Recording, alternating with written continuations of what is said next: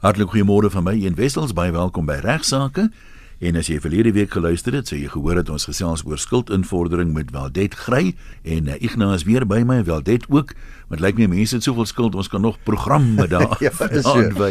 Nee, baie dankie Waldet dat jy weer bereid is om te kom gesels bietjie met ons en uh, Waldet is 'n uh, oud uh, Noordwes Universiteit, 'n oud pik, waar sy LLB en haar LLM voltooi het en sy doen litigasie daar in Rustenburg by Van Velden Duffy waar sy veral dan ook spesialiseer al vir baie jaar lank ook in die invorderingsafdeling en 'n baie groot invorderingsafdeling daar met groot sukses. Waldet, baie welkom. Dankie Ignas. Daar was baie gevalle in die nuus oor die laaste klompie jare, eintlik al die jare nog maar, waar 'n kapitaalskuld van 'n paar honderd rand skielik na 10000 rande toe eskaleer. Dit klink altyd vir my verskriklik sleg. Dit reflekteer sleg op prokureurs en skuldinvorderers. Dit doen ja. Wat sê jy daarvan? Ek ek dink ons moet begin om te onderskei tussen twee gevalle.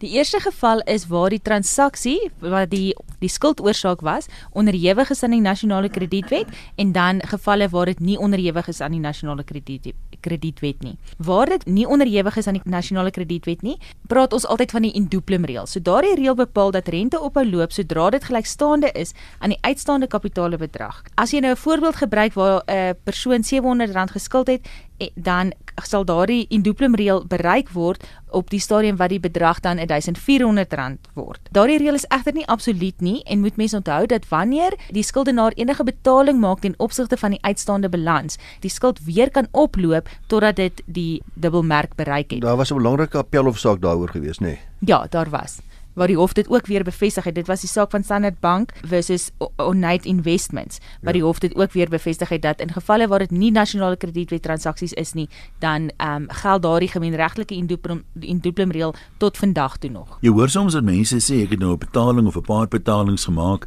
en dan kom hulle met 'n skok agter dat die uitstaande skuld eintlik maar min verminder. Werk dit ook so hier dat as daar reeds rente opgeloop het dat die betalings delg eers rente voordat dit die kapitale bedrag minder maak? Ja, Ian, dit delg eers die koste, dan rente en dan op die einde van die dag die kapitale bedrag. So dit is moontlik om betalings te maak wat dan eintlik glad nie die kapitaal affekteer nie as daar genoegsame koste en rente reeds is. Definitief ja. Jy het nou vir ons die skuld geplaas vir hierdie bedrag wat so dramaties eskaleer uh, in sommige gevalle op die rente.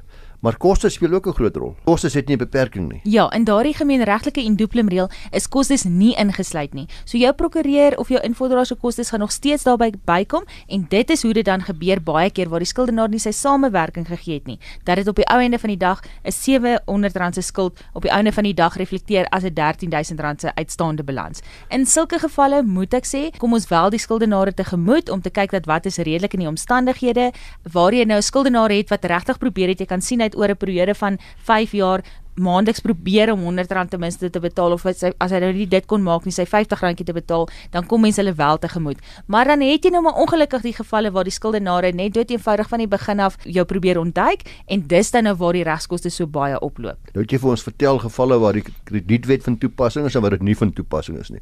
Gee 'n bietjie vir my voorbeelde van gevalle waar die kredietwet nie van toepassing sal wees nie. Dit is nou jou algemene klein skuldgoedjies soos jou skoolfonds waar jy hulle nooit toegestem het tot rente nie, jou doktersrekeninge, tandartsrekeninge, al daai tipe goed. Enige ooreenkoms waar rente nie betrokke by was nie van die begin af nie. Uh, in die gevalle waar die kredietwet wel van toepassing is op die transaksie, geld in dubbelmodel altyd. Ignas daar het die het die wetgewing nou verder gegaan en het hulle artikel 103 van die kredietwet ehm um, daar gestel. Nou dit bepaal spesifiek dat rente en kostes nooit dubbel die uitstaande kapitale bedrag mag oorskry nie. So daar kom kostes nou ook ter sprake. Ja, daar kom kostes ook ter sprake. Daar kan die prokureur en die wie ook nogal nie meer vra as 'n sekere persentasie nie. Ja, hoe dit dan werk daar Ignas? Daar's maar baie gesprekke daaroor gewees nou oor 'n lang periode. Mense is van mening dat dit al die kostes, al die invorderingskostes insluit, maar in 2017 was daar 'n ongerapporteerde saak in die Noordwes Hooggeregshof waar die regsorde toe nou ook hulle siening op hierdie hele aspek vir ons uiteengesit het en hulle het gesê dat kostes tot en met die instelling van regsaksie wel ingesluit is by daai artikel 103 beperking.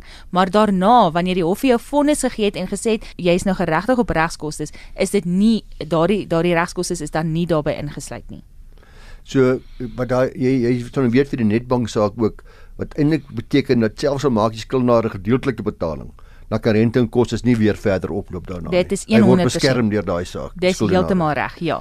Gevalle waar die kredietwet van toepassing sal wees op die transaksies tussen die partye word in die wet uiteengesit. Ja. En wat is dit alles byvoorbeeld? As ek 'n paar voorbeelde kan gee, dit is 'n kredietfasiliteit soos jou kredietkaart en oortrokke fasiliteit, jou krediettransaksie waar betaling uitgestel word en rente gehef word, soos 'n lening of 'n verband, en dan is dit ook insidentele kredietooreenkomste. So dit is waar enige betaling uitgestel word en rente gehef word, maar net indien jy laat betaal of daar word 'n afslag gegee as jy vroeg betaal. So daar praat ons van die donkie met die met die wortel en die stok. As jy vroeg betaal, gee ek vir jou afslag en as jy as jy laat betaal, dan gaan ek vir jou rente vra. Dit is insidentele uh, kredietooreenkomste. Ja.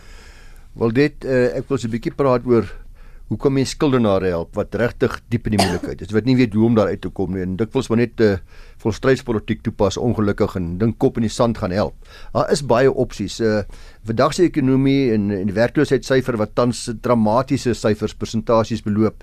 Gebeur dit dikwels dat daar mense is wat nie beheer oor hulle skulde het nie. En daagliks word hulle dan hier soos dit vroeër verlede jaar verlede week gesê deur skuldenaars en deur prokureurs getuister en gepla, kostes loop op ensovoorts. Wanneer die druk te groot word, is dit tog wat my betref baie belangrik om die probleem onmiddellik aan te spreek. Daar is dinge wat hulle wel kan doen. Wat is hierdie verskillende opsies? Nee, ek nou dit is verskriklik soos jy sê, belangrik om dadelik die probleem aan te spreek. Daar is 'n paar opsies tot sy beskikking, maar die mense moet onthou dat elke opsie sy eie nadele inhou en en jou jou skuld kan nie weggetoer word nie. So jou eerste opsie en die mees bekendste opsie is skuldberading. Ons sien baie advertensies hiervan in die media. Dit behels 'n proses waar die skuldberader jou help om 'n langtermynplan uit te werk om jou skuld te bemeester.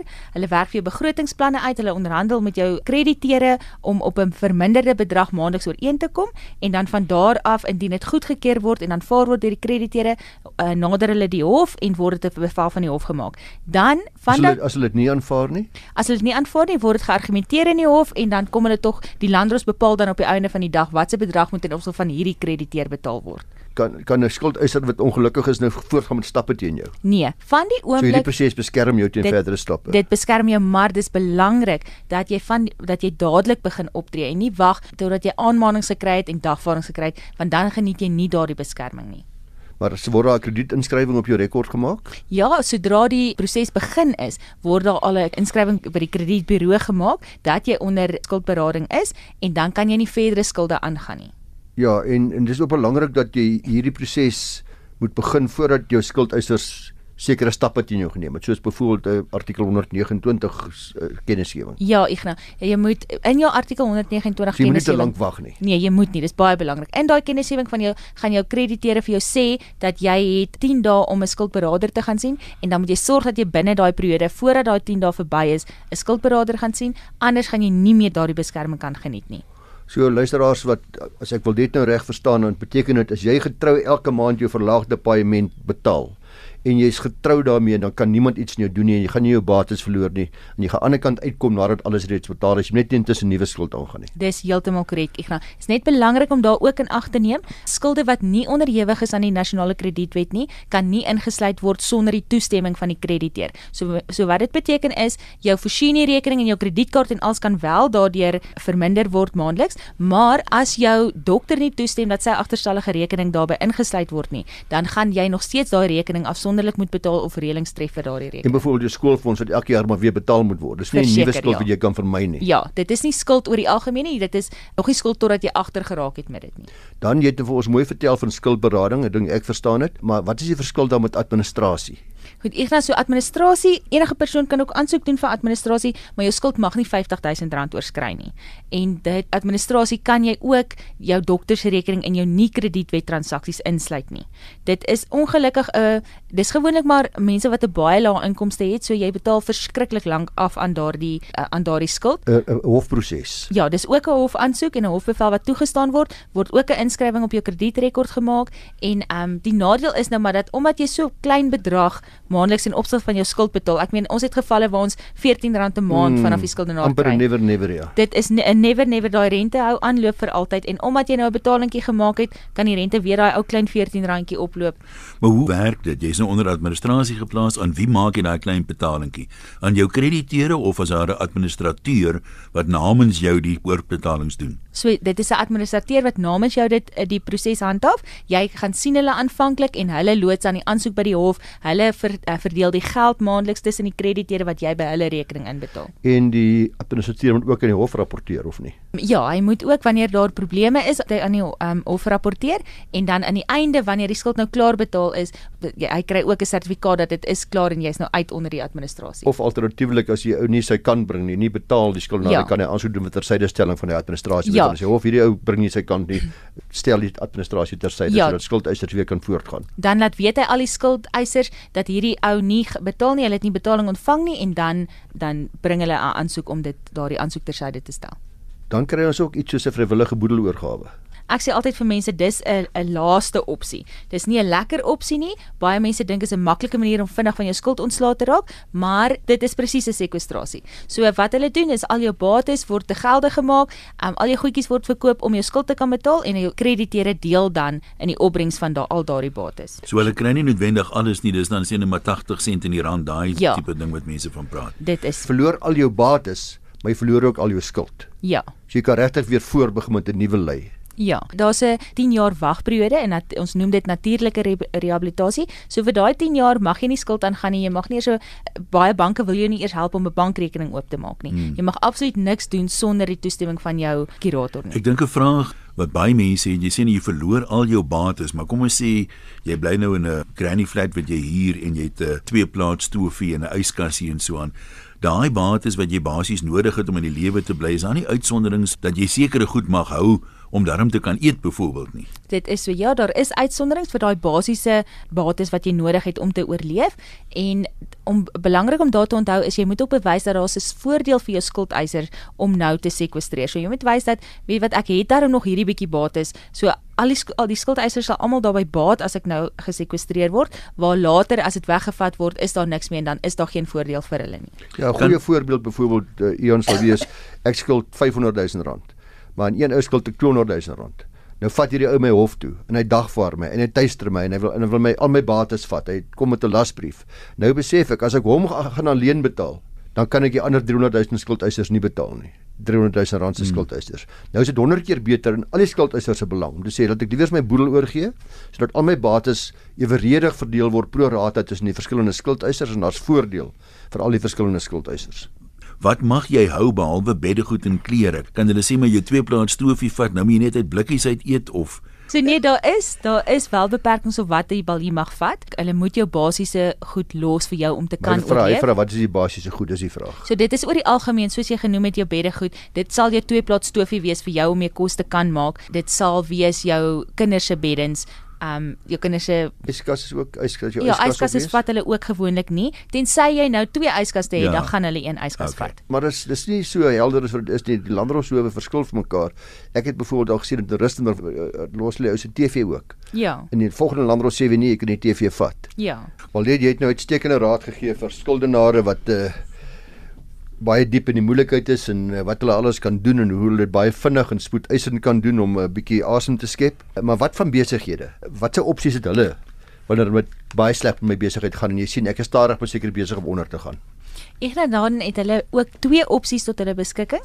Eerste een is likwidasie. Dis nou maar dieselfde as sekwestrasie waarvan ons nou onlangs gesels het ook, maar dis nou net die opsie die die sekwestrasie vir besighede as ek dit so kan stel. Dit beteken maar gewoonlik die einde van die besigheid, die deure word toegemaak, die bates word verkoop en die opbrengs daarvan word tussen die skuldenaars verdeel ook. Tussen die skuldeisers. Ekskuus, ja, ja, skuldeisers verdeel, ja.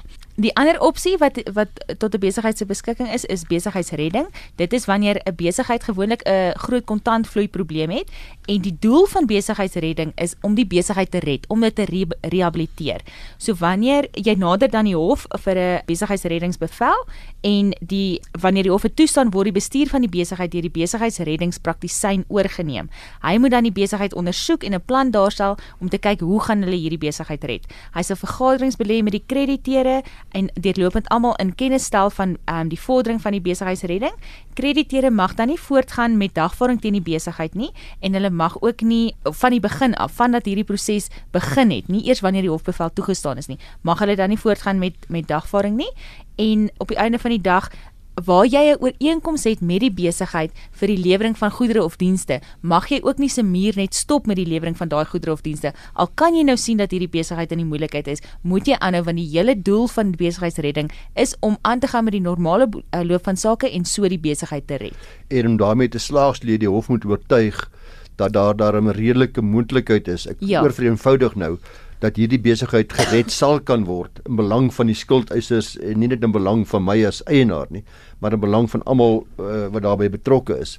In 'n woord, dit sal nie as dit nou regtig baie vrot is en is duidelik hierdie hierdie besigheid kan nie, maar miskien met nuwe bestuur, met nuwe pogings ja. en dikwels ook is deel daarvan dat die skuldeisers moet toestem om so 'n bietjie hulle skulde te verminder ook. Ja. Om dit moontlik te maak want die skuldeiser het een van twee keuses of as jy jammer ek sê glad nie belang nie en wat kan geval hy maar sy 10 sent in die rand moet vat as daar dan 'n likwidasie is of hy moet sê wie wat as jy die ding gereed voor kan ek 50 sent in die rand kry of dalk ja. 80 sent in die rand kry of selfs ja. 100 sent in die rand kry en dis waar 'n besigheidsreding nogal goed in Suid-Afrika werk ek was aanvanklik baie skepties maar ek weet van 'n hele klompie gevalle wat al baie goed gewerk het daar is natuurlik ja. ook baie gevalle wat onsuksesvol is. Ja, nee, dit is so. Dit het verbaasendlik goed gewerk. Ons het nou verlede week het jy bietjie gesels oor die kredietwetgewing, maar net 'n bietjie meer duidelik vir my afbaken hoe affekteer die kredietwet jou as 'n skuldenaar of as 'n skuldeiser? Soos jy aan die begin van ons gesprekke oor skuldinvorderings genoem het, het dit die hele landskap van van invorderings verander. Twee van die goedjies wat ek maar vinnig kan noem is onder andere artikel 40 van die kredietwet wat bepaal dat jy as 'n kredietgewer moet registreer voordat jy 'n krediettransaksie mag aangaan. Dit geld ook nou na die wysigingswet wat ingetree het so 2 jaar terug, geld dit ook vir enkel transaksies. So met ander woorde, daar is uitsonderings, maar oor die algemeen geld dit ook vir enkel transaksies. So wil jy byvoorbeeld jou huis verkoop en die koper tegemoet kom deur vir hom die deposito te leen, dit gebeur dikwels, dan um, moet jy tegnies eers registreer as 'n kredietverskaffer. So die wet vereis dat jy die aansoek moet bring vir die registrasie of moet aansoek doen om te registreer as 'n kredietverskaffer omdat daai proses neem maar so 6 maande oor die algemeen. Sê nou my kollega by die werk is in die moeilikheid en hy kom na my toe en hy sê man Jy weet einde van die jaar kry ek bonus, maar ek ek moet nou hierdie goederes betaal. Leen my R10000 en ek leen hom R10000. Moet ek eers registreer dan as kredietverskaffer of is daar perke onder sekere bedrae as dit nie nodig en so aan nie? Ja, daar was perke gewees in die verlede, maar dit is weggevat en nou moet jy in so 'n geval ook registreer as 'n kredietverskaffer. Die hof is geneig om op die einde van die dag te sê dat weet jy wat jy het nou nie geregistreer nie so ons sal vir jou die kapitaal toestaan sonder die rente maar jy loop maar die risiko dat jy op die einde van die dag um, kan die hof sê daai transaksie is ongeldig en jy gaan nie want ek dink hierdie tipe van informele lenings tussen familielede en vriende is eintlik redelik algemeen ja en dis waarom sê die hof besef dit Aanvanklik was daar die gedagte as jy die wet lees dat jy sê dan kan jy glad nie daardie geld terugvorder. Ja. Ek onthou so iets, dis kom ek nou vra. Maar die ja. howe daarna dit getemper deur te sê, "Wie wat, dit is nou nie billik nie." In in hierdie gevalle wat jy net sê vriende en familie en alles gaan ons jou penaliseer moontlik met die rente, maar ons gaan dan vir jou die kapitaal terugbetaalbaar maak. Ja, en ons moet ook onthou dat die transaksie hulle die Engelse woord daarvoor is at arm's length moet wees. So as jy nou vir jou ma gou-gou hierso 'n geldjie leen en so aan, dan is dit gewoonlik nou nie val dit nie onder die kredietwet nie. Ja. Bietjie iets oor artikel 129. Daar is so baie in die pers geskryf en nog steeds. Elke nou dan hoor ons van artikel 129 en ek dink baie luisteraars het nie idee wat dit beteken nie. So artikel 129 Igna is waar die kredietwet bepaal dat jy moet vir die skuldenaar 'n skrywe stuur voordat jy voortgaan met dagvaarding of die regsproses. In daai skrywe moet jy vir hom sê jy is nou agter met jou betalings, jy het nou opsies om 'n skuldberader te gaan sien of ons te nader om te kyk of ons 'n plan kan maak en dan daai skrywe kan jy net vir die skuldenaar stuur 20 dae nadat hy aanvanklik agterstallig geraak het met sy skuld. Daarna moet jy weer 10 dae wag en dan eers kan jy dagvaar as hy nie gere, um, gereageer het. So dis 'n baie goeie beskerming vir die skuldenaar ook. Dit is maar weer eens as die skuldenaar saamwerk en vinnig spring, sy briefie gaan haal by die poskantoor, dan bied dit die beskerming. As hy dit nie doen nie, verloor jy daai beskerming. Ons het nou al gesê die kredietwet is ook van toepassing op transaksies wat betref die bepaling van rente en kostes. Ja. Dis artikel 103 se reg onthou. Dit is reg ja, na artikel 103 wat vir die ehm um, skulde skuldenaar lekker beskerming bied ten opsigte van rente wat nie te veel gehef mag word nie en dan ook 'n groot gedeelte van die kostes insluit. In 'n ongerapporteerde saak in 2017 onthou jy die Noordwes Ja, ons het uh, nou net daar daarvan Noordwes en gesels. ons hof daar in daar in Mafikeng. Wat vertel bietjie net weer vir ons luisteraars daarvan ook. So wat daar gebeur het was jy's 'n geval waar die myne veral deur hulle maatskappy ehm um, het hulle op gewerk daardie stadium deur Summit die hof genader het om te sê maar weet jy wat daar is hierdie mense wat vir ewig afbetaal na hierdie R300 skuld en hulle wou gehad het die hof moet bevestig dat alle regskoste daarbey ingesluit is. Dit is waar die orde toe nou toegetree het tot die geding en toe nou hulle siening Die daarop prokureursorde. Ja, die prokureursorde toe nou toegetree het en hulle siening daarop bevestig het dat dit slegs koste insluit voor dat dagvaarding uitgereik het in die regpros- regsproses begin is. die die kostes wat deur die hof toegestaan kan word by fondse wat nie onderhewig is aan die beperking van artikel 103 in kredietransaksies nie. Is dan wat is dit alles?